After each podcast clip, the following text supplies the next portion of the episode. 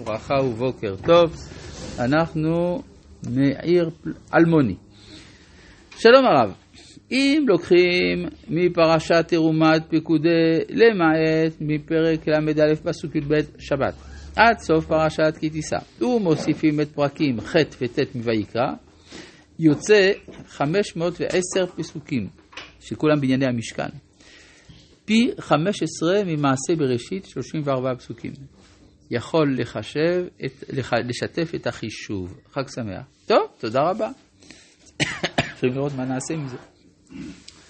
אה, ובכן, אה, אנחנו ממשיכים בספר שמות, בפרשת כי תישא, והגענו לפסוק אה, י"א, של, בפרק ל"א כמובן, פסוק י"א.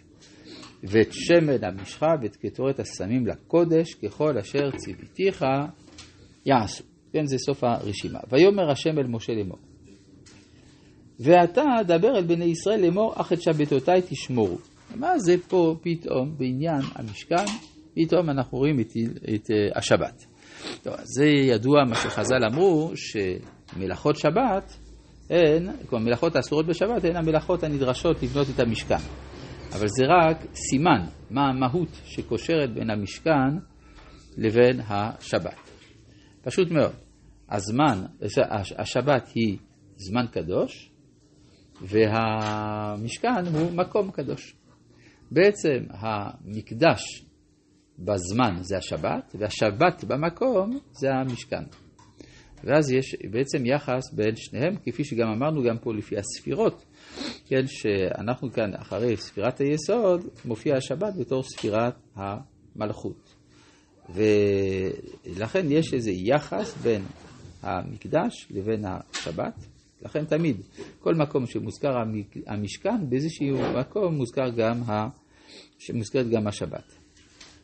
אז ושמרתם, אה, דבר בני ישראל לאמור, אך את שבתותיי תשמעו, זה האח, אח למעט.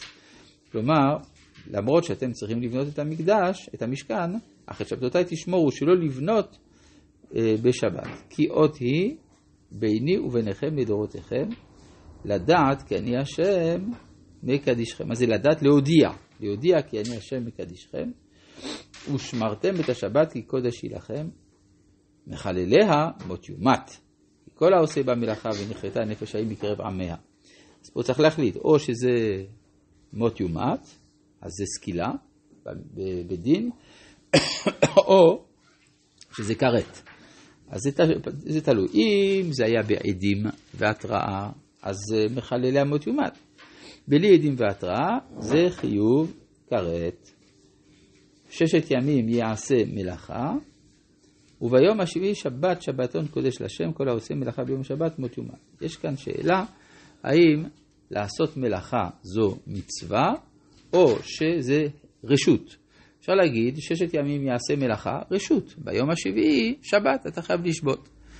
אפשר להגיד, לא, יש גם ערך לזה שתעשה מלאכה בימות החול.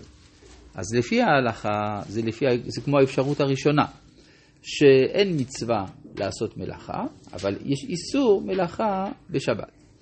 זה גם היסוד של איסור מוקצה לדעת הרמב"ם. כלומר, יש אנשים, אומר הרמב"ם, שלא עושים מלאכה כל השבוע. הם אנשים עשירים, או אנשים חולים, להבדיל. אז הם לא צריכים לעשות מלאכה כל השבוע. אז במה יוכר יום השבת מיום אחר? לכן תקנו חכמים איסור מוקצה. כי אין אדם שאיננו מטלטל חפצים במהלך השבוע, אז זה בעצם האפשרות האחת. לעומת זה מצאנו בכמה מדרשים, במחילתא בין היתר, שיש, שיש מצווה לעשות מלאכה שש, שש, ששת ימים, כלומר שהאדם צריך לבנות את העולם, כמו שגם מצאנו ש, שגוי ששבת חייב מיתה. אומר רש"י, מדוע? משום שהוא מבטל את אה, בניינו של עולם. כן, יישובו של עולם. צריך ליישב את העולם, לכן יש עניין שששת ימים יעשה מלאכה, ורק ביום השביעי שבת.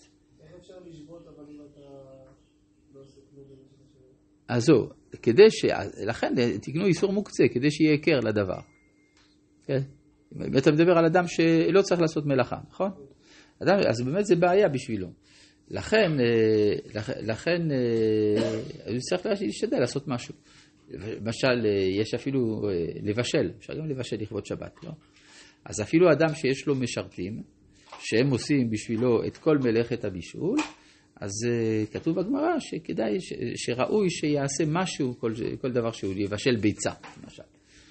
לבשל ביצה, אני חושב שזה לא כל כך מסוים. כן. יש סיפור על הרב קוק,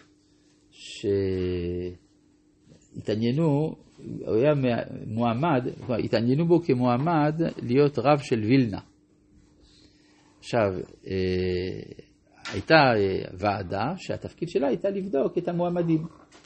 אז היו מרגלים אחרי זה, וראו את הרב קוק מבשל. אמרו, הוא לא יכול להיות רב של וילנה.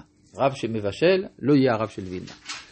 הוא בישל, כי זה היה כדי לקיים את דברי הגמרא, שלכבוד שבת צריך לעשות איזה משהו. והרב צבי יהודה קוק היה אומר שזאת הייתה השגחה נפלאה, כי אם הוא היה רב של וילנה, מעולם לא היה עולה לארץ. ואז כל המפעל הגדול שלו לא היה יוצא אל הפועל. טוב, אז מכאן שיש אה, בהלכות הפשוטות האלה גנוזים בסתרי ההשגחה ההיסטורית. אה, ושמרו בני ישראל את השבת, לעשות את השבת לדורותם, ברית עולם, ביני ובין בני ישראל אותי לעולם, כי ששת ימים עשה השם את השמיים ואת הארץ, וביום השביעי שבת ויהי נפש. ובזה מסתיימים כל הפסוקים של בניית המשכן. זאת אומרת, השבת זה כלי הקיבול של כל התכנים הגדולים שרמוזים דרך הכלים האלה. זה מגיע בסוף כשכל זה נעשה כראוי, זה בעצם השבת. כמו שיש השבת בזמן, יש השבת במקום. ואז אה, למרבה הפלא, כאן מופיע, וייתן אל משה ככלותו לדבר איתו בהר סיני, שני לוחות העדות, לוחות אבן כתובים באצבע אלוהים. כלומר, כל הסיפור הזה כולו מתרחש בהר סיני במשך אותם 40 יום ו-40 לילה. אחרי שהוא נותן לו, שהוא אומר לו את כל זה, אז הוא נותן לו את הלוחות. כאן אני הולך לפי שיטתו של הרמב"ן, שהמקראות הם כפי הסדר הקרונולוגי שלהם. אז מה עושה משה 40 יום ו-40 לילה בהר? אז אנחנו רגילים לומר 40 יום ו-40 לילה הלך לקבל את התורה. אבל אם אנחנו רואים מה שהכתוב מספר לנו, מה זה התורה שהוא למד 40 יום ו-40 לילה? זה המקדש. כן? הוא למד איך להביא את השכינה לארץ. ואם כבר יש משכן, אז מה עושים בתוך המשכן? צריך לשים בו, את, אפשר לומר, את הכרטיס הסים שייתן משמעות לכל הנעשה שם. זה הלוחות. יש שאלה רק. כן, בבקשה. אה, משה רבנו ב-40 יום לא אכל ולא שתה, הוא הפך למלאך? משהו כזה, זה מעניין. הוא לא אכל ולא שתה 40 יום ו-40 לילה, איך אפשר? זה לא, זה לא הגיוני. אתה יכול להגיד זה היה נס, בסדר, אבל לא עושים סתם נס. אלא שייתכן מאוד שעבור משה, הזמן של 40 יום ו-40 לילה היה רק יום אחד. זאת אומרת, אה, מנהרת הזמן? כן, בדיוק, משהו כזה. זאת אומרת שיש אדם, ש... לפי תורת היחסות, אז יש דבר כזה שבמקום אחד עוברים חמש דקות, בגלקסיה אחרת עוברים אלף שנה. זה יכול להיות. אבל יכול להיות משהו מהסוג הזה, מצב תודעתי מסוים. זה כמו שלפעמים אדם נמצא בחרדה, הוא אומר, החמש דקות היו, האלה היו בשבילי נצח. כן? אז יכול להיות שזה משהו מעין זה. שהוא נמצא בספירה של זמן שונה מהספירה שלנו, ואז זה מסביר מדוע הוא 40 יום ו-40 לילה לא אכל ולא שתה. הרמב"ם במורה נבוכים אומר שפשוט משה היה כל כך עסוק בעניינים אלוהיים, שלא היה לו זמן לאכול ולשתות. כן, הוא, הוא, היה למעלה מזה, כן? לא אכל ולא שתה. כן, אבל uh, יש uh, היום גילו לפחות שבהודו יש טכניקות שמאפשרות לאדם לא לאכול ולא לשתות 20 יום. יש אה, דבר מפתיע מאוד, כן? כי מקובל על פי הרפואה שאחרי, אי אפשר יותר מחמישה ימים לחיות בלי מאכל ושתייה. אני יודע על משפחות במרוקו שהיו עושים תענית של שישה ימים, כן? אבל מעבר לזה זה באמת אה, דבר אה, מפתיע מאוד, איך משה זכה למדרגה הזאת. רבי